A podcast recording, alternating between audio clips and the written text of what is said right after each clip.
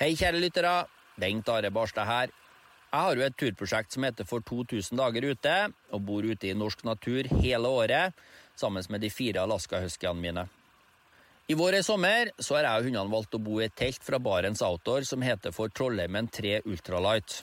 Jeg var veldig spent på hvordan det her ultralight-teltet kom til å fungere i forhold til mitt bruk, eh, men trass i at teltet har eh, lav vekt og lite pakkvolum, så er det god plass i det, og det er god takhøyde.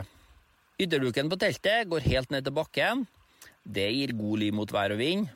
Samtidig så er teltet luftig og har veldig god ventilasjon. Nå har jeg og hundene bodd i teltet i ca. 80 døgn, og jeg ser ikke noe sånn spesielt forskjell i slitasje mellom ultralight-serien og classic-serien. Men med fire viltre hunder i teltet så skjer det ofte ulykker, og jeg setter utrolig pris på at Barents Outdoor har ei god serviceavdeling. Vil du lese mer om ultralight-serien eller andre telt fra Barents Outdoor, så kan du gå inn på www.barentsoutdoor.no. Og så må du huske på det at den første reparasjonen på et Barents Outdoor-produkt, den er bestandig gratis.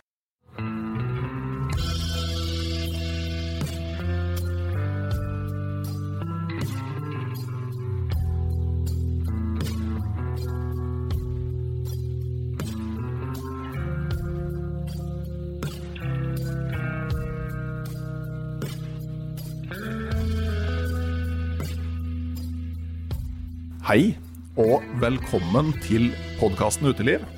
Mitt navn er Randulf Valle. Noen uker etter at podkasten Uteliv ble lansert i 2019, så dukka Den norske turistforening opp med sin podkast Utestemmer. Der har vi fått møte flere av Norges mest profilerte turfolk. Og en god del profilerte nordmenn som vi kanskje ikke visste at var turfolk. Men hvem er sjølve utestemmen? Det skal vi finne ut i dag. For dagens gjest er ingen ringere enn programleder Eivind Eidslott. Velkommen. Tusen takk. Eh, Eller skal jeg heller si takk for at jeg får komme på besøk. For vi, vi sitter oppe på Adamstuen i eh, Oslo. Ja. I eh, et ganske interessant eh, lokale med bilder på veggene og noen elektriske motorsykler. og Det ser ut som et verksted, og det er kanskje det? Det er et slags verksted. Et kreativt verksted, kanskje. Men det er vår lille basecamp, det her, da. Hvor eh, jeg og kollegaen min eh, Torstein Greni, som har et lite kreativt selskap sammen som heter Grei, sitter av og til. Aha, da forsto jeg grei. Ja. Greni og Eivind. Det er på en måte Greni og Eidslott. Ja. men jeg har jo muligheten til å si Eivind òg. Ja, Så der er et lite ordspill. Så naivt at det til en viss grad funker når vi, når vi møter folk. Ja. Og det er jo på en måte et veldig sånn hyggelig navn på et reklamebyrå. Ja, altså vi tenkte vi måtte ta det helt ned. Og at vi eh, må kunne stå for å løse oppgaver på en helt grei måte. Ja. ja, men det er viktig å ikke legge forventningene altfor høyt. Nei, nei, nei. nei. Det må vi aldri finne på. Ja. Men uh, du blei jo kjent navn i friluftsmiljøet da du var med og starta bladet Friflyt tilbake i 1998. Men du har jo åpenbart en historie før det òg. Altså, jeg tenker, hva var det med livet ditt fram til da, som 22-åring i 98? Ja, enda, ja, vi var vel 21 kanskje da vi starta, og så ble jeg vel 22. Ja, det er jo godt, godt researcha. Ja.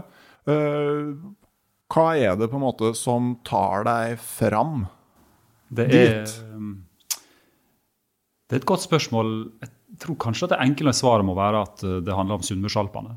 Ja. Og at uh, for min del så, så var det også to ivrige foreldre som sto bak.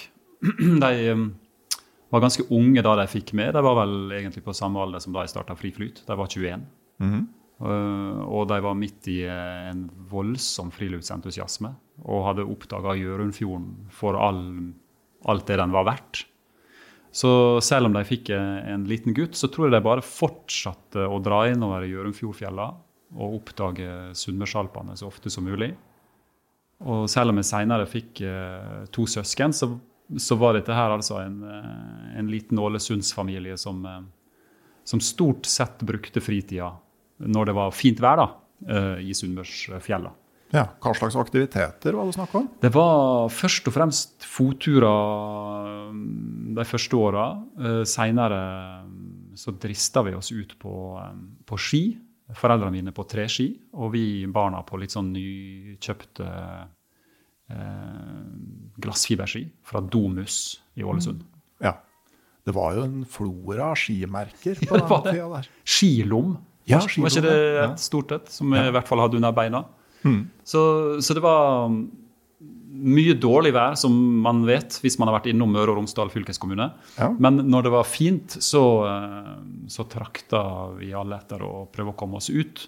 Og da var det i starten ikke sånn at vi måtte absolutt opp på Kålåstinn eller Jønshorn eller Slogen, men foreldrene mine var flinke til å, til å eh, ta oss med opp i, opp i dalen, inn til setra.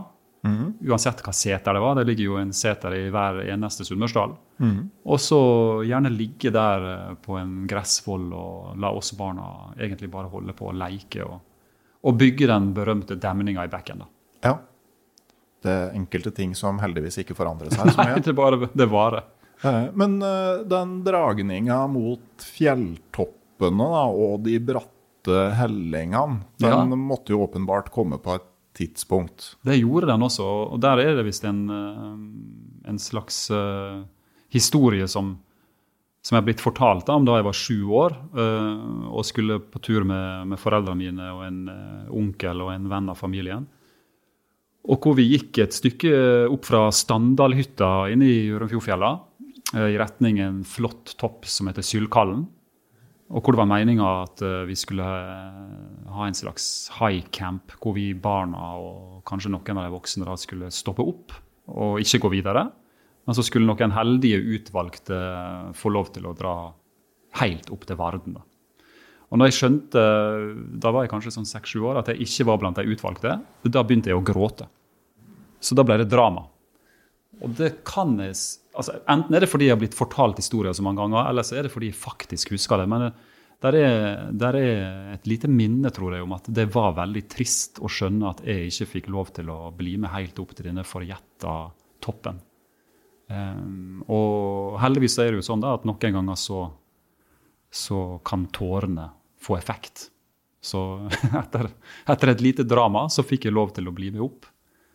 Og da de skjønte at det var helt uproblematisk, fordi jeg var så gira og fordi jeg sikkert gikk først hele veien opp dit, så var det egentlig point of no return. altså. Da, da var det toppa derfra og ut. Ja. Så jeg kjenner fortsatt på en sånn ekstrem trang til å komme til topps. Eh, det tar ikke slutt, selv om jeg nå begynner å nærme meg 50 år. 47-årsalderen skulle jo man tro at man liksom kunne roe seg litt ned. Ikke sant? Ikke absolutt skulle opp til toppen. Men det river og sliter altså i hele kroppen hvis jeg ikke får anledning til å dra helt opp til Varden. Jo, men det er sikkert sånn faser. da. Først så må du bevise at du ikke er for liten. Ja. Så, så må du bevise at du er i din manndomsblomst, og nå må du etter hvert bevise at du ikke har blitt for gammel. Nettopp! Og det, hvis jeg nå er i det siste kapittelet der, så håper jeg at det skal vare lenge. Ja, Bare se på Ralf Høybakk, så Ja, gir det et visst håp. En av mine store helter han er vel langt opp i 80-åra nå. og Sist vi så han var vel i D2 at han klatra Andersnatten ikke sant? med Ja. Jo Nesbø. Ja. Så eh, jeg håper at det skal være mulig å, å holde seg inne i den topp- toppabstinensen en stund til.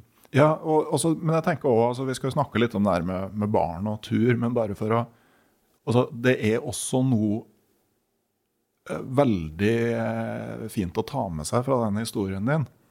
For det å ikke ta med barn på en type turer før de veldig tydelig ytrer ønske om det sjøl, og kanskje bevisst dra uten dem og snakke om hvor utrolig bra det er, noen ganger, det kan være ganske effektivt. Ja, jeg lurer på om foreldrene mine hadde nesten en sånn strategi uh, avklart mellom seg. Altså, fordi det fikk uh, som sagt en, en utrolig virkning på meg. Men det med eh, Etter hvert liksom så eh, tar du jo med skiene til toppene. Uh, når begynner liksom det med å gå opp for å kjøre ned igjen? Jeg husker at jeg var vel eh, ni eller ti år da foreldrene mine mente at jeg var uh, kvalifisert til å kunne bli med opp til Kålåstind som er en sånn kjent og kjær uh, skitopp på Sunnmøre. Og som nettopp fordi det er en bre med ei stor bregleppe om sommeren, er litt utilgjengelig i sommerhalvåret, men mye mer tilgjengelig og, og mye mer populær i vinterhalvåret. da. Spesielt på våren, selvfølgelig. Så sikkert i april-mai eller et eller annet, når jeg var ni-ti år gammel, så, så, fikk jeg anledning til å da hente frem skilomskia, få riktig eh, voks under. Og så var det vel å prøve å komme seg opp alle de bakkene da, fra Standalhytta igjen, ca. 1000 høydemeter. Ved å gå uh, mye fiskebein sikkert, og veldig mange sikksakker. Og så um, rett og slett komme seg opp til dette fantastiske punktet da, som toppen av Kolostien utgjør. Mm. Hvor du har utsikt rett ned i Romedalen, og du ser disse forrevne sunnmørstindene og pinaklene i alle mulige himmelretninger. Mm. Så for meg så var det Det husker jeg godt som tur. Det var, det var magisk, men det var også må nesten påstå at det var sikkert på grensa til å være en litt sånn religiøs opplevelse for et lite barn. da. Fordi mm. jeg bare skjønte at det her er, det er så vakkert. Og det er så kjekt, som vi sier på Sunnmøre, å gå ja. på tur, mm -hmm. at det her, eh, det her, er for meg. Ja. Det er jo bra da, å finne ut på en måte hva ja. som er greia di. det var i hvert fall en veldig sånn eh, åpenbaring at, uh, at vi også kunne gjøre sånne type turer med, med ski under beina. Og Den gangen så var jo ikke det sånn at utstyret var så veldig bra. Uh, dette var jo på midten av 80-tallet, og da, da var det jo Selvfølgelig folk nede i Alpene som hadde begynt å gå med tech-bindinger og randoutstyr. Men uh, her i Norge så, så, fantes jo ikke det. Uh, og det eneste vi gjorde, vi som ikke var i skianlegg, for det var vi virkelig ikke i Nei. vår familie, mm. Det var å, å, prøve liksom å driste seg til å sette en telemarksving i ny og ne. Mm. Men før jeg, før jeg beherska den kunsten, og det tok noen år, altså, så, så var det jo rett og slett å, å bruke disse enorme sikksakkene også ned igjen. Mm. Og uh, tenker tilbake på det i dag, så uh, kunne jo det se ut som at det var en sånn kjedelig måte å ta seg ned på. Men, men, for min del den gangen så var det egentlig like stor skiglede som jeg opplever nå, altså med moderne utstyr og uh, muligheten til å, til å svinge og kjøre raskere, sånn som vi gjør i dag. Ja, nei, og det er jo noe med at det du ikke kjenner til, savner du jo heller ikke. Nei, nei, nei. Og det lave, merkelige sko i Sikkert ikke i skinn heller, men i en form for sky. Mm. Og, og, disse skiene som uh, neppe var spesielt velegnet til nedoverbakker. Men, men vi tok oss ned, og, og det var en, både en glede knytta til det å gå oppover, det å være på toppen, nyte utsikten, men også det da å å liksom få den lille fartsfølelsen og, mm. og, det å prøve å beherske og mestre ski på vei ned. Mm. Men så kommer jo på en måte det der med telemarkski på den tida ja. her. Jeg, jeg fikk, fikk, aldri slalåmski. Nei, ikke du heller? Nei. Da kunne vi danna en liten forening rundt det. Men på, til jul da jeg var ti år, jeg var to år eldre enn deg, så i 1984 da fikk jeg et par Åsnes MT54. Ja, du gjorde det, ja. som vi, vi, var siste generasjon som, eh, som lagde våre egne ja, utforløyper og hoppbakker på jordene oppi, ja. oppi dalen. Så dem, eh, og Første gang jeg var i et alpinanlegg, det var i sjette klasse, ja. Da var det meg og en til som kjørte Telemark. Og alle andre hadde slalåmski? Alle andre kjørte på slalåmski. Dette var i Gausdal? Gausdal, ja. Skeikampen. Nettopp, nettopp. Mm. Og Skeikampen var kanskje allerede da en litt sånn OK og, ja, var, og lokalt ledende skibakke, ikke sant? Ja, det var jo før Hafjell og Kvitfjell. Ja, ja. ikke sant? Altså, Lillehammer hadde ikke fått OL ennå. Det, så, men det er jo flott skiterreng der oppe. Ja, nydelig. nydelig. Men, men når, når, husker du på en måte at eh, det her med utstyr og sånn eh, tok et steg videre? Nei, det var Det var vel eh, kanskje i 14-årsalderen, det, da. Mm. Da meldte jeg meg inn i noe som jeg hadde lest om i Sunnmørsposten, nemlig en ny ungdomsgruppe i Ålesund Sunnmøre Turistforening. Okay. Og der møtte jeg noen ivrige karer som både var gode på telemark, og som hadde telemarksski, eh, og som var gode til å klatre, og som, og som viste at eh, du også kunne dra innover i Gjørumfjorden og i Sunnmørsfjella uten foreldre. Eh, men første turen jeg var med på, eller meldte meg på, da tror jeg faktisk at jeg hadde med meg far min. Fordi de var vel litt usikker, og han var kanskje også litt usikker på om jeg kunne på egen hånd uh, ta meg inn til Petsjalytta under Slogen da, i en alder av rundt 14 år. Mm -hmm. uh, og overleve det bare med disse andre ungdommene. og, da, og det, på den turen så jeg vet ikke hvorfor, men kanskje vi var litt seint ute og ikke rakk uh, avreisen til de andre deltakerne, som bare var to stykker. Men uh, jeg husker at vi, vi starta altså litt etter de to andre, og det gjorde vi ved å ta heisa på Strandafjellet på Sunnmøre. Uh, for første gang i livet, begge to. Så hadde vi pakka litt, litt tunge sekker. Uh, satte oss begge ned på T-kroken nederst uh, på Furseth-sida på Strandafjellet. Og så la vi all vår vekt på denne T-kroken og ramla jo av, begge to, med en eneste gang. Og skjønte ikke bæret. Vi visste ikke hvordan vi skulle liksom ta en tekrok. Og måtte ta sikkert et par forsøk til da, før vi klarte å stavre oss oppover. Og med vårt skiutstyr eh, inn til Petsjaløyta denne vinterdagen, sikkert da, rundt 1990, så skjønte vi at eh, her, er, her er forbedringspotensial. altså. Og vi så det på utstyret til disse to andre flotte unge deltakerne. At eh, det har skjedd noe på utstyrsfronten som ikke vi helt har fått med oss. Mm. Og de hadde eh, Jeg tror begge de hadde det som heter Tua-ski. Som de hadde da mest sannsynlig bestilt fra skandinavisk høyprisutstyr i Hemsedal. Mm. Og med Riva 1-bindinger og det som jeg kan huske måtte ha vært eh, Asolo Morgedal eh, Extreme hadde disse to. da antagelig Erik Enich som pakka og sendte det. ja, sannsynligvis. egenhendig. Men da hadde de i hvert fall ei sånn reim øverst som gjorde at de fikk enda litt stivere fjellstøvler. Og det Vi skulle gjøre var at vi skulle ha en natt på Petsjeløyta, og så skulle vi kanskje på Slogen, men det var ikke det vær til. Men vi skulle i hvert fall ha en overgangstur til Vellesetra dagen etter. Og Da går man først opp til noe som heter Gullmorskaret, og så kjører man ned hele Gullmorbrekka og Gullmorbreen ned mot Velleseterdalen. Og da så vi eh, disse to eh, deltakerne, Jan Erik Paulsen og Thomas Berre, begge veldig flinke skikjørere og klatrere den dag i dag, bare forsvinne foran oss med nydelige telemarksvinger. Og mens jeg og far min vi kom litt mer stavrende bak der, da. I våre litt sånn sikksakk-aktige bevegelser. Og jeg tror at der og da så innså jeg at jeg må nødt til å skaffe meg litt bedre utstyr, og jeg er nødt til å øve mer. Jeg må nødt til å lære meg den måten der å ta meg ned et fjell fra. For det, det ser så morsomt ut og elegant ut. Så, så det også var en sånn liten åpenbaring om at det her må bare på plass. Ja, Og det betyr jo kanskje òg noen turer i et alpinanlegg da, for å få ja, mengdetrening? Ja, eh, etter hvert gjorde det det, men eh, jeg husker at jeg kjøpte meg vel eh, utstyret først. Litt bedre ski, litt bedre sko for avisbudpengene.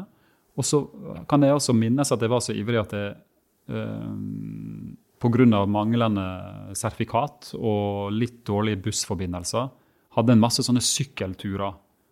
Solosykkelturer hvor jeg hadde ski og mm, skisko på sekken etter skoletid. Eh, og så sykla jeg rundt til sånne små lokale fjell, Sula bl.a., som ligger rett ved Ålesund i Sula kommune. En liten topp på rundt 750 meter der som heter Varane. Og av og til også over fjorden. da, Solevåg-Festøy-ferga, og så til Barstavika for å prøve å gå opp på de litt lavere toppene der og øve sjøl. Mm. Så da var det mye å gå opp, uh, prøve seg nedover, uh, prøve å sette så mange telemarksvinger som mulig. Og så Fordelen med å være alene på tur da, at du kan, du kan også tryne uh, mange ganger uten at noen ser på. Mm. Så du slipper skammen, og du slipper det at noen står der i publikum i din egen reise, fortvilte reise fram mot å bli en noenlunde OK skikjører. Mm. Og, det, og, de fjellskiene der, altså det er jo med smørespenn og, ja, ja, ja. og, og det, og dem, det er ikke noe rockertupp. Det er jo Nei. snarere en sånn tupp som for alt i verden vil grave seg ned. Absolutt. Det var ikke, det var ikke verdens enkleste sak. og jeg Jeg hadde heller ikke drista meg til å kjøpe mm, Asolo Morgedal Extreme, så jeg kjøpte bare standardutgaven av Solo Morgedal. Og når jeg tenker tilbake på det, så, så mangla jo de denne plaststroppen som gjorde at du fikk stive av oppe ved leggen. Så, så, egentlig så hadde du jo bare et par litt sånn myke joggesko der nede. Mm. Eh, så det var ikke så mye men de hadde stiv såle. Ja, de hadde det, og det hjalp, da. Ja, for jeg, jeg begynte med sånne der eh, helt vanlige Beksund-sko. Ja, og det er ikke så lett. Og de har så mjuk såle at jeg husker det var noe, første gang vi var i Hafjell. At, ja. de, at jeg merker eller om det var et annet. Det er ikke så nøye. Men i hvert fall at jeg merker når det begynner å gå litt fort, så mm. står hælen på sida av skia. Ja, sånn, ja. ja. Såpass myk sko. ja. Så da tenkte jeg at jeg drev jo aldri det med telemarkkjøring, men, men, jeg tenkte liksom her må det en endring til. Ikke sant? Nei, jeg hadde um, noen år med, med Jeg tror det var Åsnes eh, ski. Og så sparte jeg og fikk etter hvert råd til gjennom denne avisbudvirksomheten Eh, kjøpe med da eh, det som var en skikkelig hit eh, den gangen. Dynastar Ultra Bultra. Og som hadde en sjøllysende, fluoriserende rosa såle. da. Med din nå bakgrunn eller sånn, din erfaring fra reklamebransjen, hva, hva slags sånn kickoff er det man har kommet opp med navnet Ultra Bultra? Men det gikk i hvert fall rett hjem hos en 15-åring. ja. og det gikk også rett hjem at veldig mange andre skikjørere som jeg den gangen så opp til i Ålesund og omegn, de hadde investert i den. da. Så du kan si at etter en uh, etappe hvor kanskje Erik Enic og, og gjengen uh, i Hemsedal hadde solgt Tua-ski mm. Uh, til alle sammen, så kom Dynastar Ultra Bultra og, og, på en måte overbeviste oss litt yngre om at det her var det nye. Mm. Nå kjenner jeg jo et par andre som måtte har drevet med ski og snowboard på den tida der, ja. som beskriver at det blir veldig fort større topper. Det blir veldig fort brattere mm. og mer ekstremt. Men eh, når de ser tilbake på det, så er det litt sånn skremmende hvor lite man faktisk forsto av det man drev med. ja. Og sånn, sånn, er det for min del òg. Ja. Um, også innenfor skikjøring, men kanskje først og fremst innenfor klatring. For da jeg var rundt 15, så fikk jeg grått meg til, tror jeg, en gang til, at jeg skulle få lov til å gå uh, Sunnmørsk klatreklubb sitt klatrekurs. Som uh, foregikk først uh, på Berga ved Magerholm i Ålesund, og seinere helt inn i, på Berga, inne i Hjartåbygda ved Volda. Og kom ut av det kurset med nok en gang en følelse av at det her skal jeg drive med, dette skal jeg lære med, dette skal bli gøy. Nå skal vi virkelig, skal vi virkelig gå der det er bratt. Og så tror jeg far min, siden han først hadde nekta meg å gå det kurset, eh, hadde en anelse om at det ville bli skummelt etter at kurset var ferdig. Mens mora mi, som skjønte at jeg hadde så veldig lyst, og som hadde sagt ja til kurset, og som til slutt vant den kampen, hun tror jeg bare var litt mer sånn glad for at jeg var så tilsynelatende brennende interessert i noe. da, At jeg hadde en sånn lidenskap for noe. Så hun tror ikke jeg tenkte så mye over hva som ville komme etter kursslutt. Men det som kom, var jo bare en masse forskjellige ideer, eh, gjerne sammen med han som jeg nevnte i stad, Jan Erik Paulsen, og også noen andre kamerater, en som heter Martin Grønnevedt, om å, om å klatre så mye som mulig på Sunnmøre. Gjerne plasser ingen hadde vært før. Uh, gjerne førstebestigninga. Og helst uten at foreldrene våre visste hvor vi var, eller hva vi gjorde på. Så i den perioden fra jeg var 15 til jeg var 17-18, så var det så mye farlig klatring og så mye eh, læring, prøving og feiling at det er jo egentlig et mirakel at jeg sitter her i dag. Ja.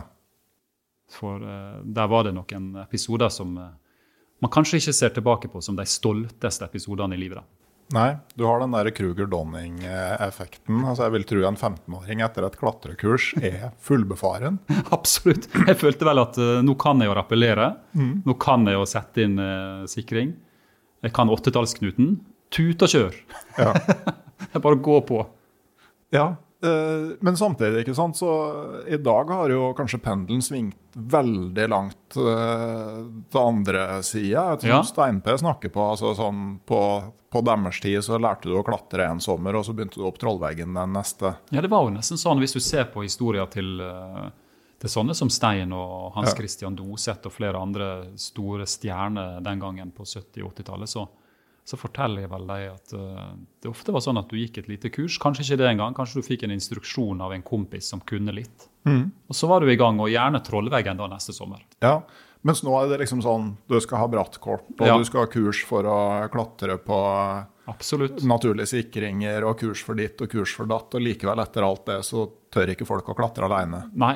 Og en opplevelse jeg hadde på, på Storen eh, nå i høst, når jeg var der med en guide som heter Sigurd Felde, og skulle lage reportasje om, eh, om eh, all guidinga som skjer der på fjellet, det var at han fortalte at han som guide elsker å se taulag uten guide på Storen Ja. som eh, bakser i vei oppi der og kanskje har litt små utfordringer og går litt feil. og i det hele tatt. Fordi det er så få av dem. ja. Og det er så få unge taulag som er ute og utforsker høyfjellet på den måten i dag. Da. Dessverre kanskje færre enn det var den gangen på, på 80-tallet, hvor jeg begynte. Mm. Men kanskje en mellomting? Det hadde vært fint. ja. For det trenger ikke være sånn at absolutt alle skal prøve å feile på egen hånd. Nei, og det er jo noe med at altså, du kan bare feile så mye. Ikke sant? Den, eh, den aktiviteten. Men, men eh, sånn eh, Det går jo egentlig veldig fort til oppstarten av friflyt her, da. For at, uh, som du sier, dere er tidlig i 20-årene. Altså, hva Mm. slags bakgrunn har dere når eh, dere starter opp sånn, eh, sånn journalistisk? For, uh... Nei, jeg tror kanskje at det var for min og Anders Våge Nilsen sin del, som starta Friflyt i 98, vi, og som nå har snart har 25-årsjubileum. Det er jo Ja. bare et par uker til, tror jeg. Det må vi forresten planlegge å feire. altså Det har vi ennå ikke begynt å planlegge. Nei. Det må bli eh, en scone og en kaffe, det også. Men eh, vi var begge Vi møttes på et eh, naturvernkurs arrangert av Turistforeninga på Kobberøyhytta i Marka i eh, 1991, tror jeg. Eh, veldig tidlig møttes vi og begynte å brevveksle. Og det Vi skjønte var at vi var to karer, han fra Bergen, jeg fra Ålesund, som var blitt med i Turistforeninga. Vi var styremedlemmer i hver sin ungdomsgruppe. Eh, Vi var ganske aktive i det som den gangen var medlemsblad. Sånne kopimaskintrykte medlemsblad i de to respektive ungdomsgruppene. Så vi skjønte på en måte at vi, vi var begge voldsomt gira på ski og klatring og, alt som var liksom fartsfylt friluftsliv. Vi var veldig glad i å skrive. Og vi eh, falt for hverandre, da, hvis man kan bruke det uttrykket. Og det gjorde vi delvis da gjennom all denne brevvekslinga.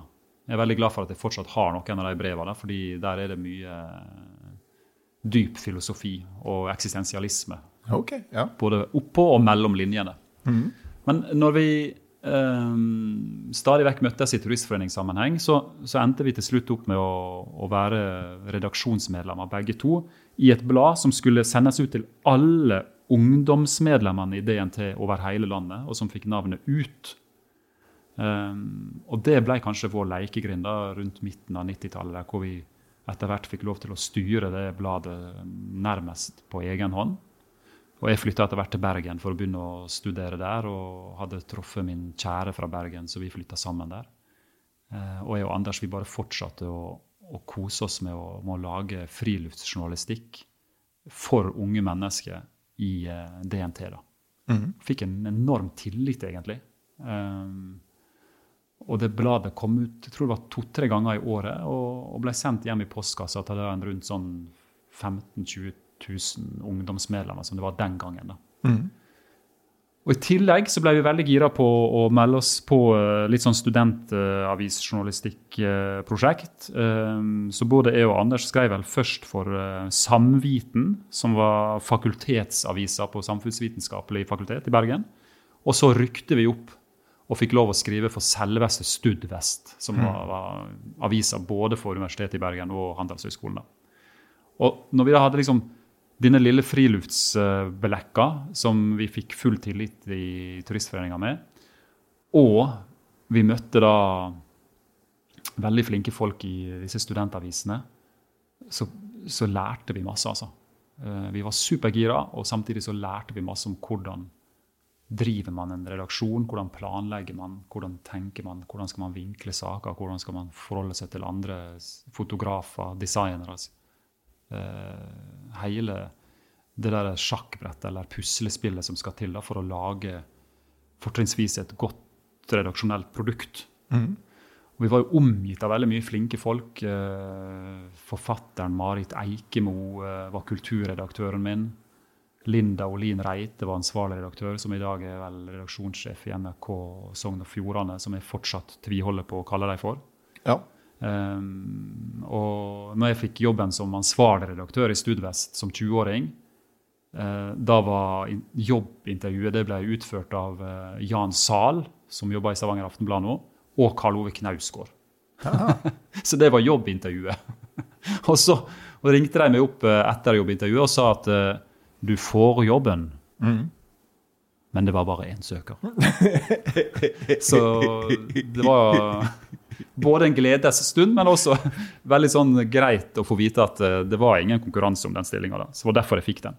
Ja. I litt for ung alder. Mm. Men når vi hadde jobbet, dette er en lang historie, men når vi hadde jobba med studentavisjournalistikk eh, og turistforeningsjournalistikk i mange år, og min periode som ansvarlig redaktør gikk ut, etter ett år, for det var bare sånn åremål du fikk lov til å være sjefen der. da. Mm.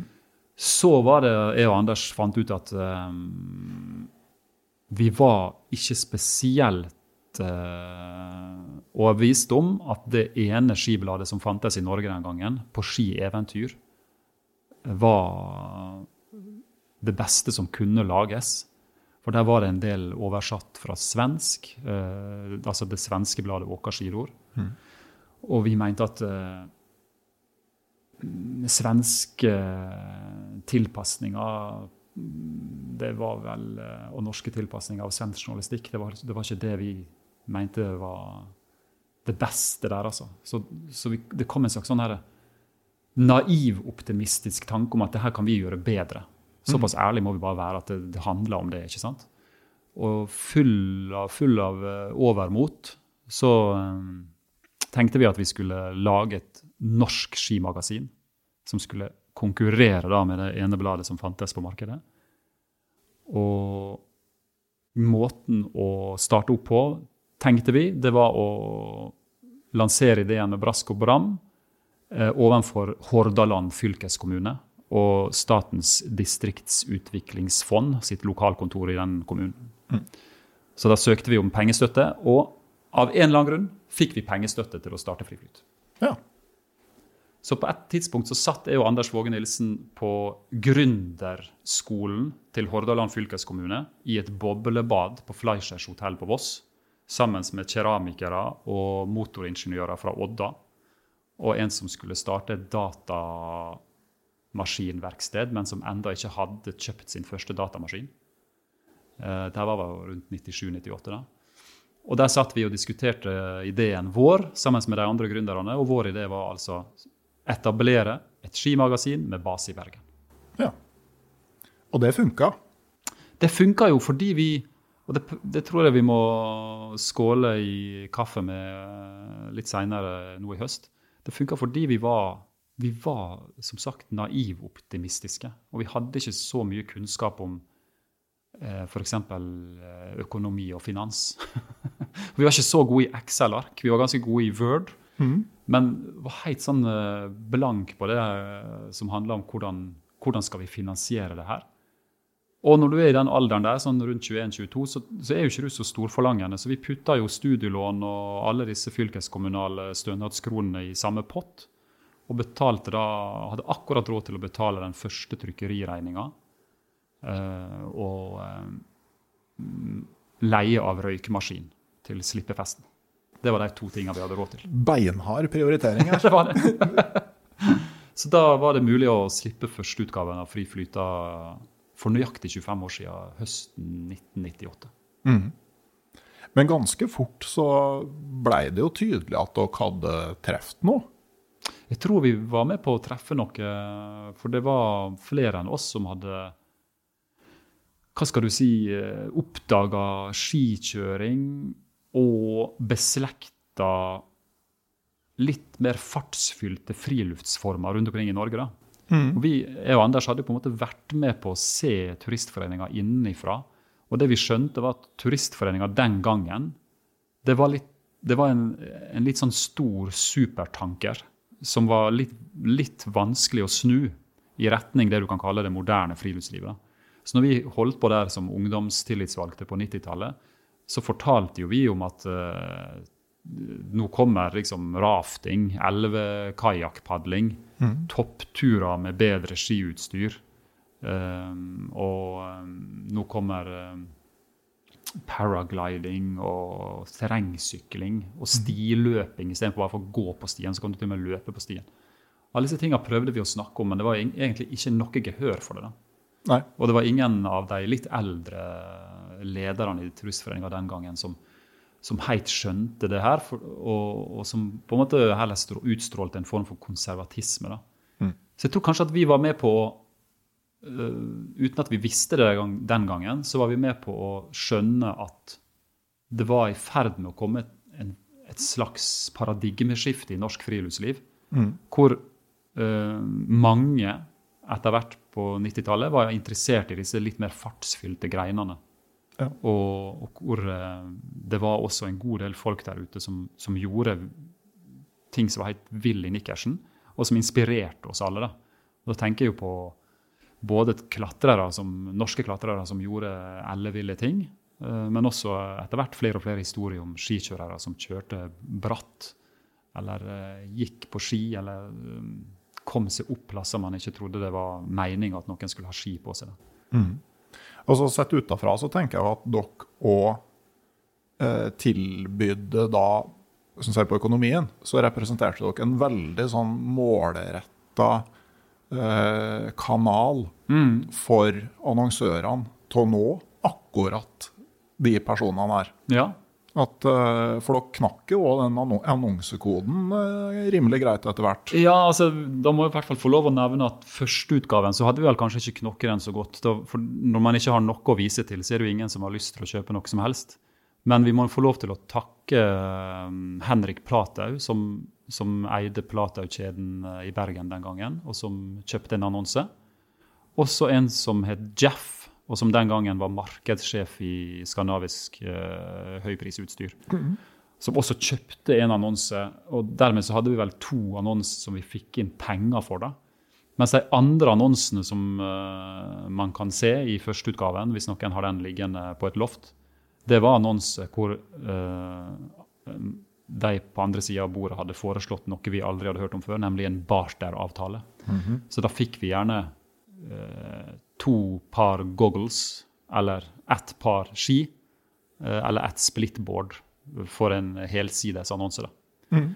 Noe som jo var stas, for vi ja. syntes jo utstyr var gøy. Eh, men det var veldig vanskelig å, å, å, la det utstyret inngå som en del av eh, finansene i Friflyt AS. Ja, du, du, Det var ikke så effektivt å tilby en barter til trykkeriet? Liksom. Nei, trykkeriet... To splitboard, noen solbriller og en ullgenser? Vi var, vi var, vel i samtale med, med Bryne Offset, som var trykkeriet vårt utenfor Stavanger, om at hvis de var interessert, så kunne de få ganske mye utstyr. Hvis de bare gikk litt ned i pris. Men de ville ha sine penger, da. Ja. Men de, det er sånn som du sier, at eh, jeg tror etter hvert, etter en del utgaver, så skjønte jo flere annonsører at vi vi traff kanskje en målgruppe som, man, altså som Fjell og Vidde kanskje den gangen ikke traff. Mm. Uh, og som uh, andre blader heller ikke var så gode på å treffe. Og dermed så, så fikk uh, Fri Flyt relativt raskt en posisjon som en foretrukken annonsekanal for mange aktører i, i sportsbransjen og reiselivsbransjen. Mm. Men det må sies at, at både de første åra og egentlig mange året etter der igjen så har det vært eh, et krevende sted, altså. Og, mm. og krevende økonomi i, i, det selskapet. Det er, ikke, det er ikke bare bare å overleve um, med, med, de få kronene man fikk inn. Nei, og etter hvert så er jo ikke sant uh, Jeg har jo vært på en måte i samme bransjen, litt lenger nord. Mm. Eh, men, eh, men det er jo veldig store kostnader du ikke kommer utom Ja. når du eh, driver på papir. Absolutt. Med både trykk og distribusjon. Det, det er ikke rimelig. Nei, og det har egentlig bare blitt dyrere og dyrere nå. da. Altså, du kan si at kanskje Friflyt som papirmagasin hadde sitt, sin storhetstid. Eh, kanskje for en sånn rundt 10-15 år siden, da Altså da tenker jeg storhetstid økonomisk. Da nett, nettet var der, men eh, det var ikke så mye sosiale medier ennå. Nei. Eh, og papiret hadde sin uh, absolutte funksjon. ikke sant? Og posten uh, funka, og du fikk post seks dager i uka. Og, og vi kunne inngå avtaler om distribusjon som, som ikke kosta det hvite ut av øyet. Mens akkurat i dag så tror jeg det der bare blir verre og verre. Ja. Men, men det dere også klarte, var jo å bli en sånn slags eh, På nynorsk en hub, da. Altså et eh, sånn møtepunkt. Altså et sånn omdreiningspunkt for et helt miljø. Altså det, det framsto i hvert fall sånn fra utsida at det var veldig mye som sirkulerte, og litt sånn spin-offs med at dere hadde High Camp, som var en sånn slags Egentlig omtrent en festival. da. Ja, absolutt. Og det, og det var veldig mye som skjedde på en måte ut fra det miljøet. Det var, det var ganske raskt uh, tydelig at vi hadde jo et ganske godt nettverk. Både jeg og Anders og Erlend Sande og Eirik Damsgaard og Svein Ove Hansli og alle de andre flinke folka som, som kom inn i redaksjonen og som, eh, som holdt på disse første åra. Og det var, det var en sånn kok av eh, nettverk, eh, kreative ideer og påfunn og gjennomføringskraft da, som gjorde at det skjedde veldig mye på relativt få år. Og det mm, må jeg, altså Æren gir jeg vel bare til, til, det, den kollektive kraften som oppsto Ja, rundt kanskje, fri flyt. kanskje litt det samme som deg som 15-åring som klatra. Altså man, man, eh, man, også fri flyt var ikke så veldig redd, sjøl om man befant seg langt opp i veggen og det var langt ned til forrige, forrige sikring. Altså, Det var en risikovilje der, da, Ja. som, er, som er jo heldigvis mye lettere å ta i starten av 20-åra enn enn det er når du sitter med boliglån og, og skal kjøpe bleier i tillegg. Så, så den risikoviljen var vi nok avhengig av. Og så var kanskje jeg og Anders eh, de to litt sånn utålmodige karene som, som muligens passer til å ta initiativet og etablere det. Og så er det mm, sånn som Erlend Sande, da, som har jobba i, i Fri Flyt eh, egentlig helt fra starten, og som fortsatt er ansvarlig redaktør, han, han representerer jo både den oppstartsiveren og viljen og en stamina og en utholdenhet og en langsiktighet da, som har eh, vært med på å sørge for at Fri Flyt fins den dag i dag. ja, for du blei jo ikke lenge, eh, altså etter to år, så vidt jeg kan se, så, Ja, ja. så har du gått over til Dagbladet, og så var ikke Friflyt drømmejobben likevel? Jo, det var det nok. Eh, vi skapte vel vår egen drømmearbeidsplass. Men så fikk jo jeg muligheter i, i Akersgata som jeg aldri hadde trodd jeg skulle få. Så jeg fikk et sommervikariat der i 99, den gangen Dagbladet var Shangri-La, for min del. da. Eh, og så kan man sikkert bruke mange timer på å diskutere hvordan Dagbladet er i dag. Men den gangen så framsto det som et veldig fristende sted å være. Og en redaksjon som, som var svær, og som hadde masse flinke folk, og som ga ut helgemagasiner og, og, og skapte featurejournalistikk, som vi snakka mye om den gangen. Ja. Og som eh, jeg tenkte ville være et drømmested å, å være en sommer. Og det var det. Men så kom jo dette Da kom det også etter hvert eh, muligheter da, for å fortsette der. Og, og når, jeg fikk også muligheten til å rett og slett ta ansvaret for den lille fredagspublikasjonen da, som Dagbladet ga ut den gangen, som het Dagbladet Fredag. Den husker jeg, for det var jo på en måte, det var jo en litt mer domestisert utgave av Natt og Dag. Det. Absolutt. Det, for det, det var liksom Den var det bitt i, og Ja. uh, det, det, er noe man husker fra den tida der. Ja, men Det er hyggelig at du sier det. For ja. den hadde jo jeg sjøl sittet i Bergen og lest fra A til Å i mange år. Mm. Og, og, det å plutselig kunne få være en del av den redaksjonen, og etter hvert også lede den redaksjonen, det var jo en sånn drømmeopplevelse for meg. Men det som var trist med det, var jo at det var jo ikke mulig å, å flytte til Oslo og si ja til de mulighetene uten at du samtidig da så måtte jeg jo da eh, rett og slett eh, avslutte engasjementet i Fri Flyt-redaksjonen. Så det eneste som jeg var da i noen år, var jo styremedlem i det lille selskapet vårt. Mm. Og en bidragsyter som, som bidro eh, innimellom med, med, sine ideer og sine tekster. da. Mm. Men, men, jeg husker det som en sånn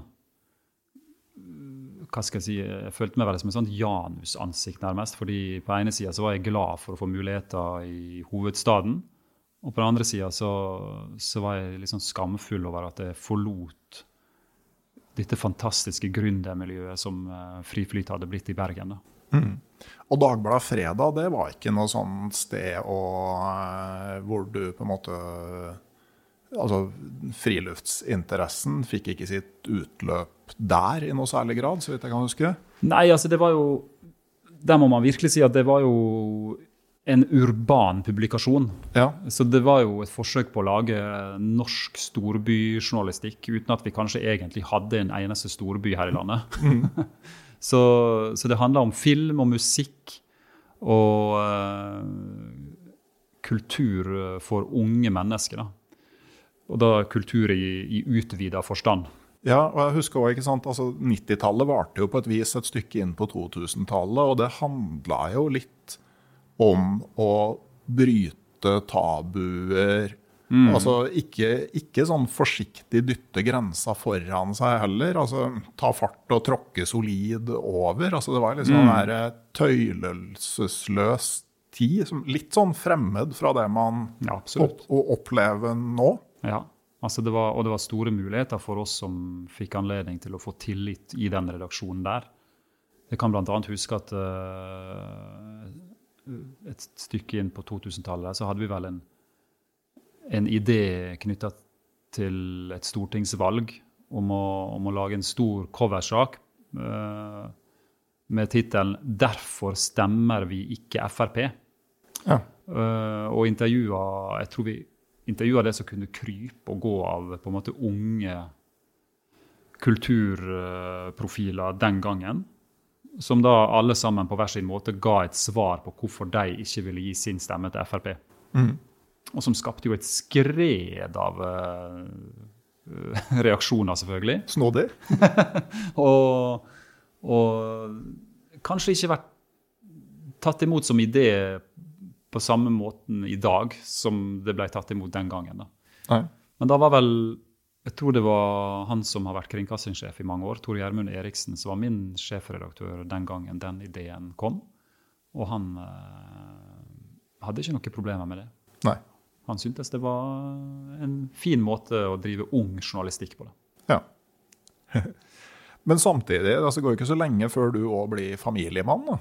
Nei, altså dette skjedde jo litt sånn uh, samtidig at jeg fikk større og større muligheter i Dagbladet. Og så fikk vi vårt første barn jeg var heldig og, og um, fikk lokka min kjære kone over uh, fra Bergen til Oslo. Etter at hun var ferdig med sitt uh, jusstudie, så fikk hun også jobb her. da.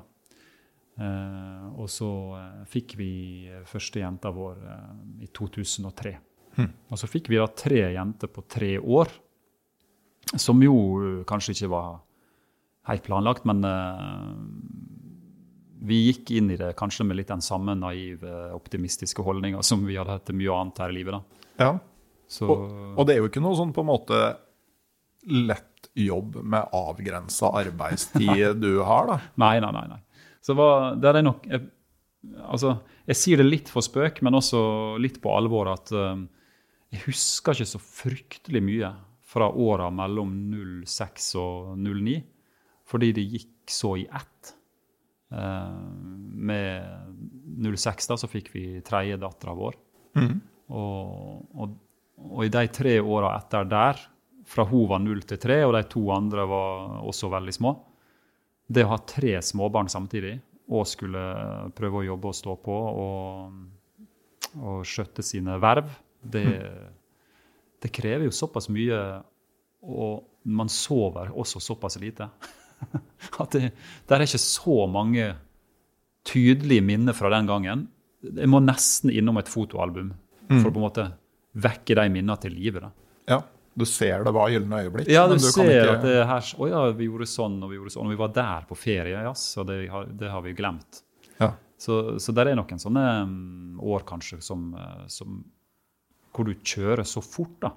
Altså det skjer så mye hele tida rundt ørene dine. Um, og vi hadde da midterste jenta vår har Downs syndrom. Så vi hadde jo også veldig veldig mye å lære eh, å, å holde på med knytta til hennes uh, diagnose. Mm. Ja, jeg forstår at uh, dere fikk vite det rett etter fødselen. Ja, Uh, vi hadde ingen anelse om det. Vi fikk altså Jendine i 03, og så kom Marikken i 04, og, og hun har Downs syndrom. Og det, det fortalte en eh, lege og noen alvorlige medarbeidere hos oss da ganske kort tid etter fødsel. Mm. At de hadde oppdaga det da eh, med denne nyfødte jenta, at hun nok sannsynligvis hadde Downs syndrom, men at de måtte ta noen blodprøver for å være helt sikker. Og og når du er på fødestua og, og får vite det, eh, så eh, blir man såpass bekymra at da, da blir det Det blir mye å tenke på, for å si det forsiktig. Ja, det blir en, en, noen helt andre tanker som Ja. eh, kom enn de du hadde trodd. Ikke sant? Mm. Eh, Du får et barn som du kanskje ikke hadde trodd at du skulle få.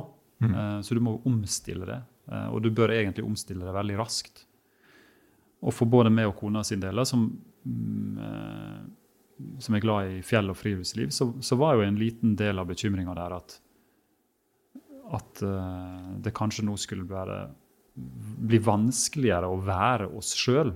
Altså at, hvordan skal det bli med et barn som er litt annerledes? og som kanskje vil bruke lang tid på å lære seg å gå, og kanskje ikke vil ha den beste motorikken. Hvordan skal det harmonere med vårt sterke ønske om å hele tida være ute i naturen? Uh, Så vi hadde noen sånne små bekymringer, i tillegg til de store bekymringene knytta til hennes eh, syndrom og hennes egne muligheter og, og hennes eh, framtidsutsikter. Ja, for, for det er vel òg sånn at Downs er på en måte ikke ei smal gate som er akkurat sånn. Du har et veldig vidt utfallsrom for hvordan det manifesterer seg. Ja, altså det er Eller det er egentlig ganske greit å bare fastslå at uh, mennesker med Downs syndrom er akkurat like ulike som alle oss andre.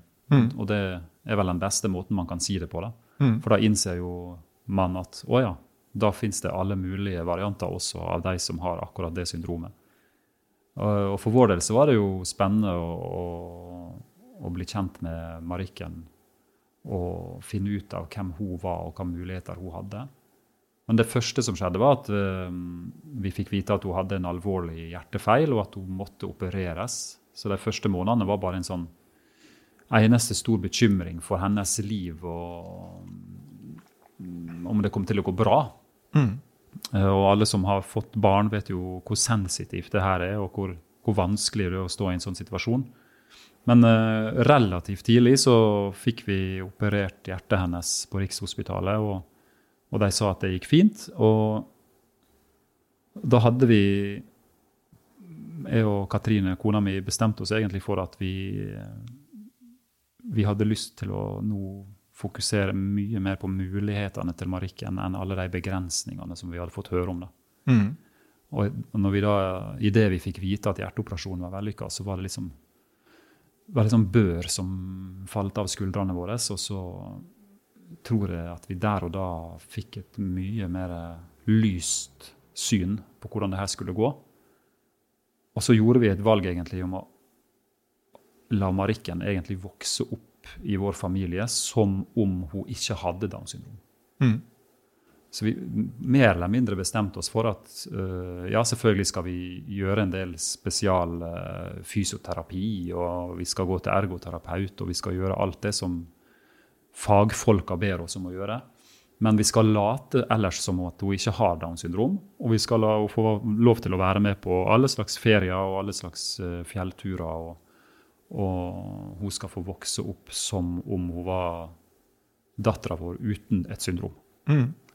Og jeg ser du, du skriver i Fjellbarna om på en måte hvor viktig de to søstrene mm. på hver sin side som, som har da et helt naturlig forhold til det her, og behandler henne som enhver annen person. Ja, det vakre med disse to søstrene, som da er ett år eldre og ett år yngre, er jo at de aldri egentlig har tenkt på søstera si i midten som en som har Downs syndrom. Eh, de har bare forventa det samme av henne som de forventa av seg sjøl og hverandre. Mm. Så jeg og kona mi, vi, vi, eh, vi har selvfølgelig gjort mye sjøl, men først og fremst så takker vi disse to andre døtrene våre for at de alltid har stimulert og motivert og oppfordra Marikken til å gjøre det som de sjøl gjør. Mm. Og også det de sjøl måtte gjøre. Fordi de fikk beskjed av oss om å rydde eller å vaske opp eller å fikse ting eller passe på hverandre. ikke sant? Så det har hele tida vært en sånn forventning om at Marikken skal gjøre det samme som det de sjøl måtte gjøre. Og det har jo ført til at Marikken sannsynligvis har kommet veldig mye lenger enn det hun ellers ville gjort. Og uh, akkurat nå har vi en litt sånn fin uh, og god følelse hjemme av at uh, Marikken har, har, kunnet, hun har blitt et selvstendig menneske som nå er på, på friluftslivsfolkehøyskole i år. Så da har altså kidsa begynt å forlate redet? ja. Nå er det blitt sånn at uh, jentene er 20 og, og 18 og 17. Så, så de er virkelig uh, sterke kvinner som, uh, som sier ifra hva de sjøl har lyst til. Ja. Og så har dere så kom en, Vi har kommet en til. vi har en gutt på åtte år også. Hmm. og han er jo da det man kan kalle for en ekte attpåklatt. Men det uh, har vært en enorm glede for oss da. Uh, vi hadde jo tenkt at det også kom til å bli ei jente. Altså Vi var jo 100 sikre på at den fjerde jenta kom. Mm. Så det at vi også fikk uh, lov til og anledning til å ha en gutt, det var litt sånn stort for oss. da. Mm. Morsomt å kunne se litt sånn forskjellen i, i kjønna. og fantastisk å ha en lillebror som alle er så glad i. Hm. Ja. Men uh, dere har jo virkelig gjennomført det med å ta med ungene på ja, tur. Absolutt. Uh, og uh, jeg bladde gjennom Fjellbarna-boka. Ja. Uh, der kom politiet forbi. Det var, ja, ja. Oss, det var, ikke oss, de skulle ha. Nei, heldigvis. Uh, at, uh, for, for, det var jo faktisk Forrige gang vi møtte, så fikk du jo Fjellbokprisen for den boka. Ja, det er mange år siden. det er mange år siden. Tiden flyr når man har det gøy. Tida flyr. Men jeg tenker jo Og ut fra den boka så leser jeg sånn, sånn grunnleggende faktor da, for et godt turliv med barn altså, gjør turene på deres premisser. Mm. Og det føler jeg er sånn rød tråd i den uh, boka der. Mm. Men samtidig så aner jeg, da, og er det en del av det andre du skriver, at ikke sant Ja, det er greit å da campe nede i den fjelldalen 300 meter fra bilen. Mm. Men far rives aldri så lite av synet av de toppene rundt omkring som han ikke kommer på. det har du nok helt rett i. Ja. Og ikke bare far, men kanskje også mor. Ja. Så um, vi har ofte spøkt med at uh, disse Fjellbarna-bøkene vi kom med, uh, burde i enda større grad ha egne behind the scenes-kapitler. Fordi uh, det skjedde jo saker og ting som beviser det du sier der. At vi hadde veldig, veldig lyst til å å bestige høye topper selv om vi hadde små barn. Og var kanskje relativt tidlig ute med å, å ta dem med oss opp eh, på plasser hvor det ikke er helt vanlig å ha med barn i småbarnsalderen. Ja, Besseggen som fireåring? ja. Vel, Det var en litt spesiell historie, fordi eh, jeg hadde foreslått eh, for Kagge forlag å lage en gavebok om Besseggen. Og det var vi jo både jeg og forlaget enige om at det kom til å bli tidenes bestselger i norsk forlagshistorie, siden det er så mange som går over Besseggen hvert år. Så, så vi gjøv løs på det prosjektet med, med stor iver. Og var veldig mye oppe på Besseggen eh, og snakka med folk og tok fine bilder sammen med fotografen i boka Jørn Moen. Og på alle disse turene så, så skjønte jo eh, eldstejenta vår, Jendine, som da var tre-fire år, at eh, hun ikke fikk være med. da. Hun var for lita. Eh, mens barna til fotograf Jørn de var litt eldre, og de fikk være med over. Uh, så jeg tror hun beit seg litt sånn merke i det her. Så på et eller annet tidspunkt uh, i løpet av det prosjektet så sa hun veldig tydelig, og nesten så hun trampa i gulvet også, at hun ville også gå Besseggen. Og hun var lei av å bli forbigått. Så hun hadde en enorm egenmotivasjon, som jeg, og jeg tror kanskje at jeg kjente litt igjen av den motivasjonen fra den gangen jeg sjøl da måtte gråte fordi jeg ikke fikk lov å bli med opp på Sylkallen på Sunnmøre. Men jeg sa vel til henne at eh, vi må nødt til å øve oss litt. da. Vi må gå litt lengre turer nå i, i sommer, og så får vi se hvordan det går. Og så kan vi kanskje til høsten gå hele Besseggen. Og så kom den muligheten, da, og, en fin, fin dag så, så sto jeg og Jendine, som da var fire, på Memerubu, og, og hun var så ivrig at hun spant av gårde derfra. Og så fikk vi da en sånn helt eventyrlig dag, altså, hvor vi brukte så mange timer vi trengte, og, og fikk gått hele turen. Og hun gikk den skritt for skritt. altså Det var ikke snakk om å bære eller noe som helst. Hun ville gå sjøl og var veldig happy hele dagen. Så eh, en sånn opplevelse av at hvis, hvis sønnen din eller datterne dine har lyst sjøl, så, så har de helt sånn ubegrensa muligheter. altså. Ja. Da, da bare går de.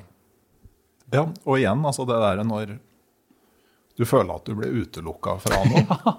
Det er kanskje det trikset. Altså, du, du peker på noe fint der. fordi hvis du, hvis du føler at noen andre får lov til å gjøre noe gøy, og du sjøl ikke får være med fordi du er for lita, så, så er det kanskje en av de fineste måtene å, å motivere seg sjøl på. da. Jeg har en kompis som faktisk klarte å få små unger til å bli interessert i laksefiske. Ja, på den måten. Og det er jo sånn, det skjer jo altså Hovedregelen med laksefiske er jo at det ikke skjer noen ting.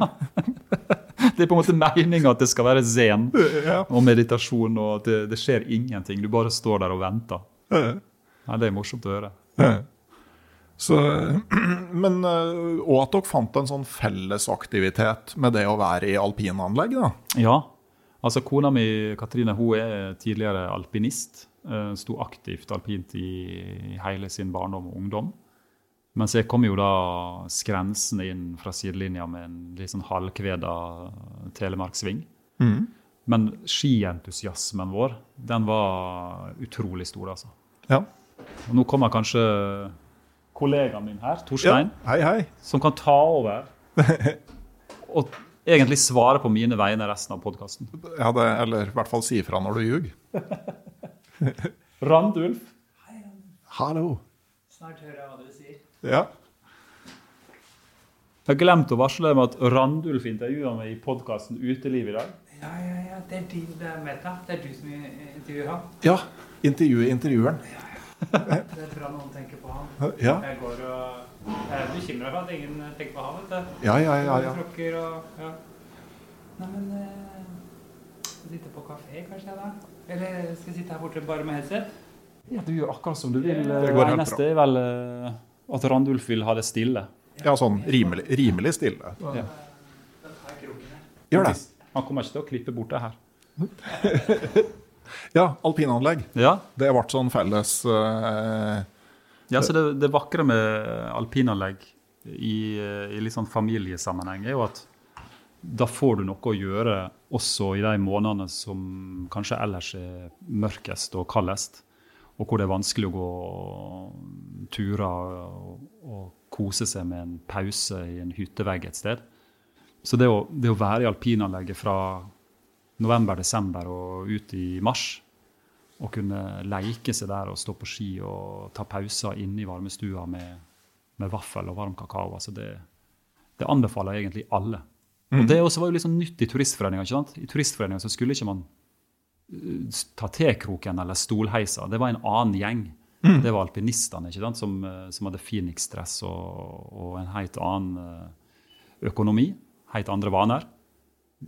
Og det var en sånn mm, liten Grand Canyon der mellom eh, det man skulle drive med som turistforeningsmedlem, og det folk i alpinanlegget drev med. Men vi tror kanskje at vi og mange andre på, på begynnelsen av 2000-tallet prøvde å heller plukke det beste fra begge arenaene. Ja. Ja, for jeg har merka at altså, vi, din og min familie, ja, vi er liksom, jeg tror vekta hos oss ligger det mest på langrenn. Ja, Men eh, med noen turer i alpinanlegget. Og så har jeg liksom feelingen at hos, dere så har det vært litt omvendt. da, At det er alpinanlegget som er måte hovedbasen. ja eller eh, vi eh, har vært uendelig mye i alpinanlegg, men også plutselig innsett at vi, at vi ble en langrennsfamilie. Da, fordi disse døtrene våre ble med i en skiklubb her i byen. Og gikk fantastisk mye langrenn i mange år. Ja. Så jeg har vært på de fleste langrennsstadioner i Norge. Eh, I tillegg da til mange alpinanlegg. ja. Så, så du kan si at for vår del så ble det bare massivt begge deler. da.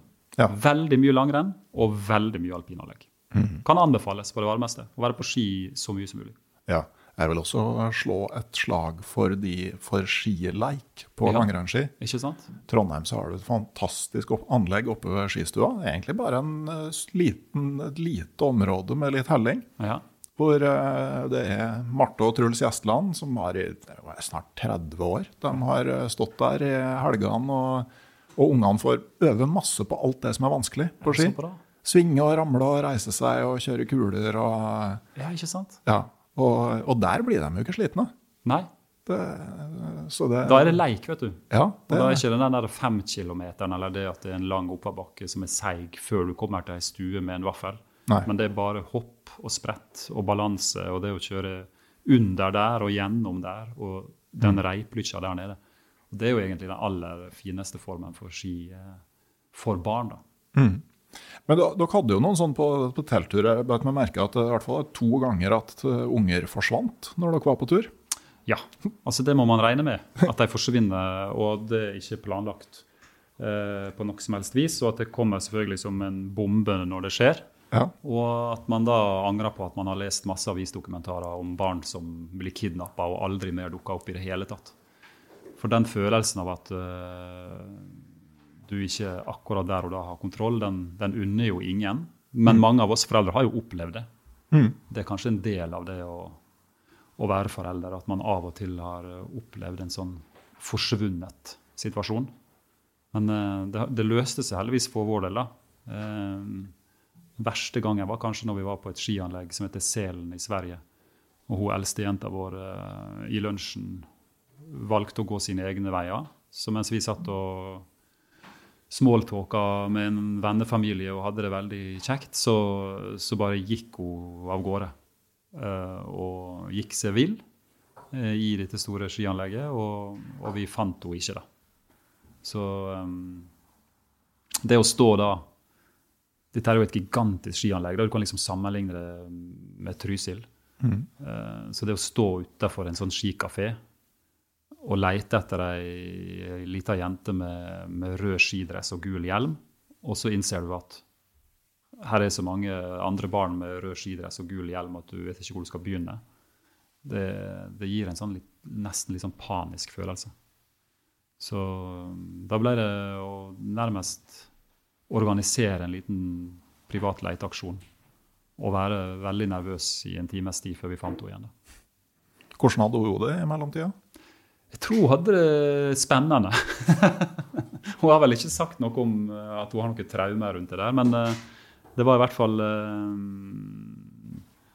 en form for Ja, hun sier at det, det var en opplevelse hun huska, og at den var spennende og, og litt ekkel. Og så er det jo Vi har vel ikke ordentlig mista noen av jentene. Men vi har merka knipet dem på fjellet i å ha gått litt unna der vi er, Ja. og så ikke ha retningssans Ikke i det hele tatt. Sånn at det bare skal tilbake, men er på vei Mm. inn på Finnmarksvidda. Ja. Og, og det, å, det å ikke ha helt kontroll på hvor barna dine er når du er til fjells, eh, omgitt av små skrenter og stup og, Vann. og vann og, og alle slags farer, uh, det er jo eh, en følelse som er virkelig som sagt ikke unna noen. Altså. Det og det finnes jo dessverre eksempler på at eh, det ikke alltid går bra heller. Nei. Og det, det vet vi alle, og derfor så smerter det så mye. Mm. Og så er jo måte faren vær så stor hvis det skjer i et bymiljø. tenker Ja. Absolutt. Det er Nesten verre her. Ja. Eh, Men eh, det er jo etter hvert så eh, tar du jo videre steget over egentlig reklamebransjen. Uh, og det er jo det som på en måte da tar deg inn til utestemmer etter hvert. Men jeg skjønner jo at uh, du har hele tida holdt kontakten med DNT. Ja, altså etter å ha vært der uh, som tillitsvalgt da, fra 91-92 til å fortsatt lage utestemmer i 23, senest en ny episode i går, så kan man si at det begynner å bli et litt sånn livsløp i DNT. Og det er vel fordi etter hvert så blir man så glad i den organisasjonen og det den står for, da, at det, man bare innser at det er, det er, det er livet ut. Har supertankeren endra retning siden 80-tallet? Ja, den har det, altså. Eh, Jeg tror at vi som forsøkte å få til små endringer på 90-tallet, vi, vi var kanskje Vi skal ikke gi oss så mye av æren for det, men vi var i hvert fall noen som forsøkte å, å tipse om at det fantes også annet friluftsliv enn hytte-til-hytte-tur og, og det å gå med, med rød anorakk på fjellski over Hardangervidda. Så vi, vi var jo flinke til å fortelle om at det fins også annet friluftsliv. Og så er det andre som har virkelig klart å eh, inkorporere det her i Turistforeninga de siste åra. Og, og nå er, framstår jo DNT som en organisasjon som favner mye bredere, og som også er mye mer interessert i, i f.eks. en randotur og en topptur da, enn det de var kanskje for 20-25 år siden. Ja, for den toppturinteressen har jo virkelig eksplodert. Ja, den har jo blitt en form for sånn folkekjær aktivitet. Altså fra at eh, du hadde noen få særinger med en randobinding rundt 2002, til at det virker som at nesten alle som har eh, en friluftsinteresse i Norge, har randoski nå i garasjen. Det er jo en helt utrolig utvikling, og noe som sportsbransjen er glad for. Ja. For, for mange har det i, primært i garasjen. Ja, mange, mange har jo det. Litt sånn som Ally-kanoene. Ja, ikke sant? Det er mange, mange Ellie-kanoer som, som ligger på loftet i garasjen.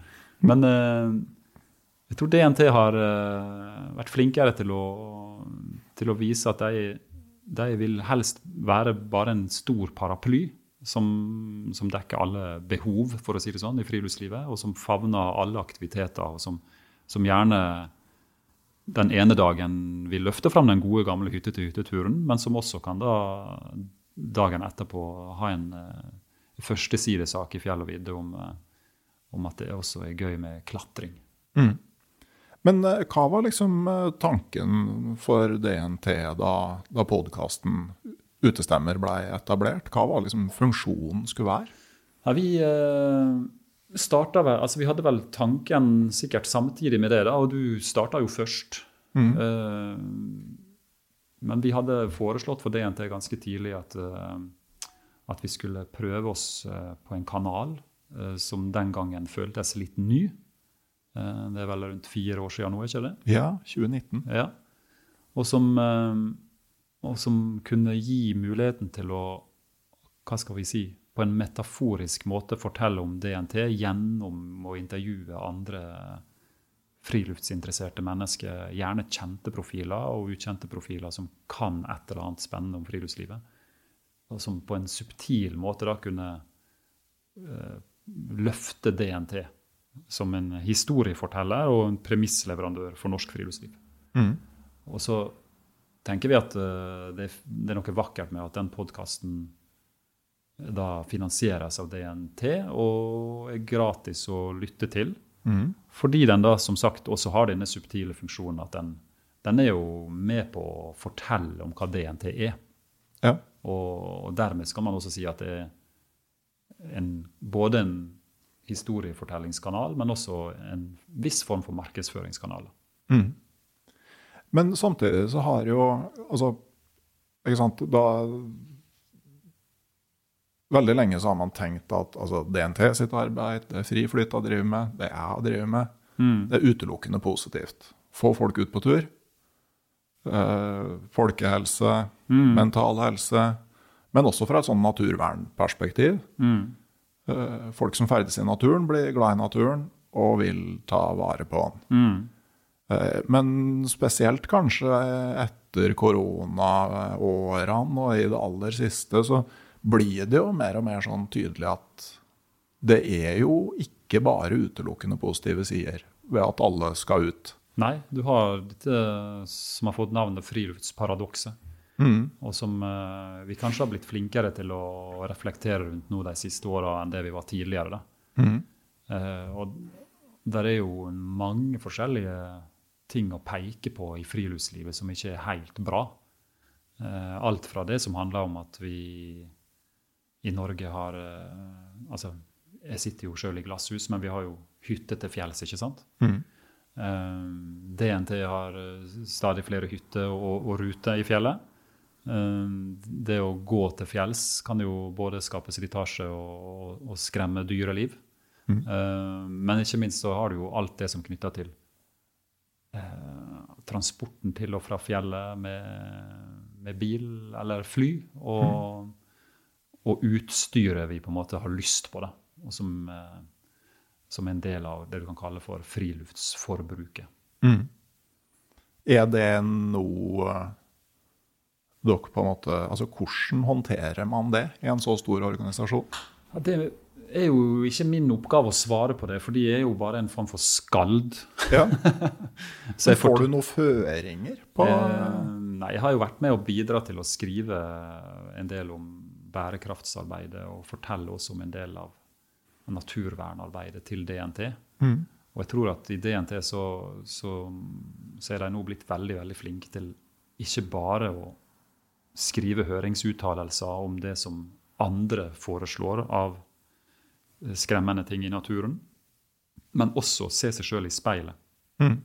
Så det er mye større bevissthet nå knytta til hvordan DNT sjøl kan bidra til eh, gode løsninger. Og og det, det handler jo helt ned på liksom så basale, men viktige ting som at hvordan skal man kunne klare å avslutte det dieselaggregatet på den betjente hytta i den fjellheimen, og heller erstatte det med, med en form for renere kraft. da. Og til større og mer filosofiske spørsmål. Ja, jeg skal ikke presse deg noe mye på det, i og med at uh, det, det er jo Beslutningene eh, fattes jo et annet sted her. Men, men jeg konstaterer jo òg, sjøl om du da eh, med en attpåklatt har en åtteåring i hus, at du og kona er på en måte litt på vei inn i en ny livsfase. Ja, altså Vi er både på vei inn i en ny, livsfase, samtidig som vi pga. han yngste gutten vår da, henger igjen i, i den forrige livsfasen. Ja, litt, litt som monopol, sånn rykk helt tilbake til start. Vi står i, altså vi, vi har ofte snakka om at vi står i en spagat. uh, og det, det gjorde vi i hvert fall i det øyeblikket vi, vi fikk eh, sønnen vår Matheo for eh, åtte år siden. Og den spagaten vil vi nok stå i nå i veldig veldig mange år, kanskje resten av livet.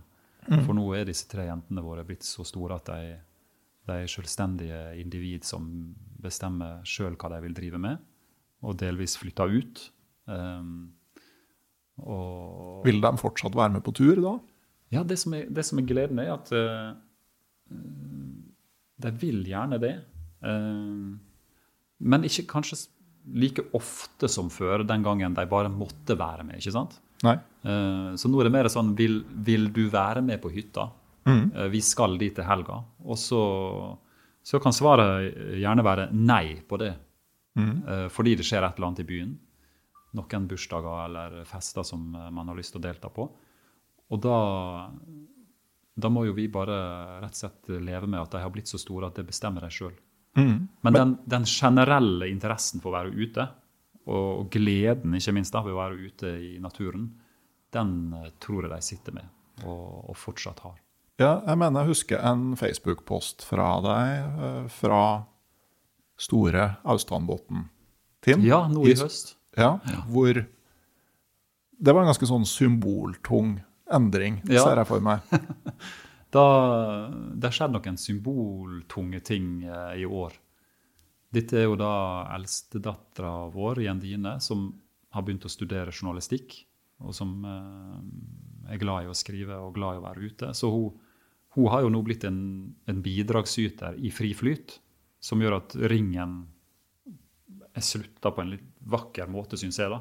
Ja. Eh, Og rett og slett rørende for meg at hun har, har lyst til det, og at hun er så flink at hun får anledning til det. Så hun har hatt sine første store saker på trykk og vil gjerne bidra mer. Um, og nå i august-september så, så var jeg og hun på Store Austadbotn til, for der hadde ikke hun vært før.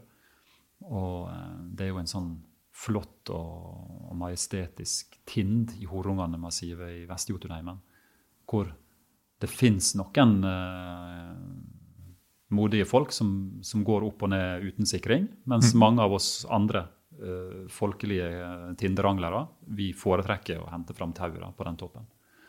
Og denne gangen så, så uh, lot jeg hun være først i tauet på en, en del av disse enklere taulengdene der oppe. Og det ble jo en form for sånn, som du sier, symboltung handling og et paradigmeskifte hvor hun da får lov til å gå først. Og hvor du ser mestringsfølelsen i det å sette noen sikringer og det å eh, etablere en stamplass. Og det å, å rope ned til sin far at nå kan far komme etter. Det er noe metaforisk ved det, altså. Ja, definitivt. Definitivt. Jeg tror det er et ganske fint sted å, å avrunde, men det er jo også en påminnelse om i hvor stor grad man har de ungene til låns. Du har dem bare til låns, og det har vi jo innsett nå, da, at eh, man må nyte disse åra hvor eh, man er så heldig å ha dem rundt ørene hele tida. For før man vet ordet av det, så er den perioden over. Og de vil uh, helt naturlig gå sine egne veier og finne på egne ting. Uh, og så vil vi forhåpentligvis da kunne innimellom få lov til å gå turer sammen med dem igjen. Jeg glemte faktisk det faste innledningsspørsmålet mitt her, Øyvind, med om du har hatt en fin tur eller naturopplevelse i det siste. Vi skal la den ligge, men jeg avslutter jo normalt med å spørre en fin høstdag. Det er fint her inne i byen, men hvis du kunne velge helt fritt Akkurat nå akkurat nå, hvor du ville vært? Akkurat nå så tror jeg jeg ville vært eh, på Sunnmøre. Eh, fordi i går så så jeg da en rekke eh, avslørende dokumentariske bilder på sosiale medier om at det er snø. Og at eh, en del av de folka jeg kjenner som er så heldige at de bor på Sunnmøre, hadde henta fram eh, kanskje ikke de aller nyeste skiene sine, men eh, et par randoski eh, som tåler en, en støyt. Og var rett og slett på sin første eh, skitur på natursnø høyt oppe i fjella eh, på Sunnmøre i går. Sosiale medier er et tveegga sverd. Virkelig, altså. Her sitter man i Oslo sentrum og aner fred og ingen fare, og så plutselig så scroller du inn og ser at du burde vært et helt annet sted. Og det er jo alltid puddersnø et eller annet sted. Det er alltid, det er alltid finere på den andre plassen. Og så skulle jeg normalt slutta her, men jeg må jo da avslutte med å spørre. Så hva har utestemmen alltid i sekken? Og han har alltid eh, med seg litt mer sjokolade enn det han eh, tror han kommer til å få behov for. Ekstremt fornuftig. Og det er rett og slett eh, fordi jeg sjøl ofte går på et lite blodsukkerfall eh, og må reparere det. Og så er det det at vi fortsatt ofte har med oss barna på tur. Og det å da kunne ha litt grann kos som ikke bare handler om grov brødskive, det, det er det gamle tipset som fortsatt eh, lever videre, og som, som gjelder den dag i dag. Det hjelper alltid med Det gjør sjokolade. det, altså. Tusen takk, Eivind, for at jeg fikk eh, komme og eh, besøke deg på kontoret. Veldig hyggelig at du ville komme og rigge til et podkaststudio her. Ja, Jeg tror vi, vi må la oss inspirere og gjøre det litt oftere, tror jeg. Ja, det, det, er, det er fullt mulig. Jeg skal til slutt nevne at det blir mulig å oppleve podkasten Uteliv live i lokalene til butikken Revir i Oslo 25. januar. Da skal det handle om 1924, Roald Amundsens verste år. Og jeg har fått med meg en eh, superduo til å dykke inn i dette temaet. Anders Bakke kjenner dere fra før. Han jobber ved museet i Roald Amundsens hjem på Svartskog, og har vært gjest her tidligere. I tillegg kommer Brageprisvinner og Amundsen-biograf Tor Boman Larsen, som også er kjent bl.a. for sitt åttebindsverk om den norske kongefamilien. Sammen skal vi snakke om hvordan Amundsen nådde sitt bunnpunkt i løpet av 1924, men også hvordan han reiste seg og la grunnlaget for å gjenoppstå som nasjonalhelt. Digresjoner og anekdoter vil nok sitte løst som vanlig, og vi kommer også til å ta en nærmere titt både på det som ikke hendte, og det som kunne ha hendt. På Revir er det kun plass til 30 tilskuere, så det her blir en intim affære. Du finner link til billettene i episodeinfo. Billettene koster 290 kroner, men langturkompiser og ekspedisjonsmakere i det digitale turlaget på Patrion får rabatt. Koder ligger ute på Patrion. Det er flere gode grunner til å bli med i gjengen på Patrion nå, for hver fredag fram til episode 200 kommer den 26. januar, så trekker jeg ut turutstyr og andre godsaker blant de betalende medlemmene i turlaget på Patrion. I dag, når denne episoden her kommer, den 8. desember, så er det ei dunjakke fra sir Joseph som ligger i potten. Og før jul skal jeg også dele ut et telt til en heldig vinner. Det er snakk om et Finse 3 helårstelt fra min kommersielle samarbeidspartner Barents Outdoor AS. Vel, håper at jeg ser dere på Patrion eller på Revir eller begge plasser. Men uansett, om ei uke kommer det en ny episode av podkasten Uteliv, og inntil da sier jeg rett og slett ha det bra.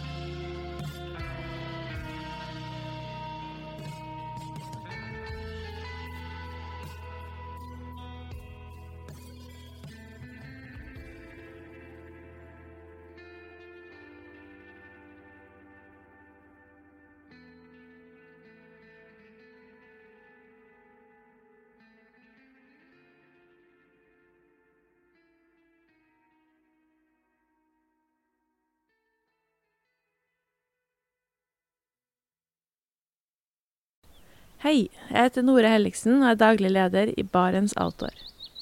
Det beste vi kan gjøre for planeten, er å redusere forbruket vårt og få mer ut av det utstyret vi allerede har. Men vi vet av erfaring at bruken av telt kan endre seg over tid. Det teltet du kjøpte for to år siden, passer kanskje ikke det behovet du har i dag. Derfor har vi i Barents etablert en egen panteordning der vi tar imot brukte telt av god kvalitet i innbytte når du kjøper et nytt av oss. Prosessen er enkel. På barentsoutdoor.no gir det oss informasjon om teltet du vil bytte inn. Basert på det får du et tilbud fra oss som gir deg rabatt på ditt neste Barentsprodukt. Mer info og betingelser finner du på barentsoutdoor.no. Og husk at den første reparasjonen på produkter fra Barents er alltid gratis.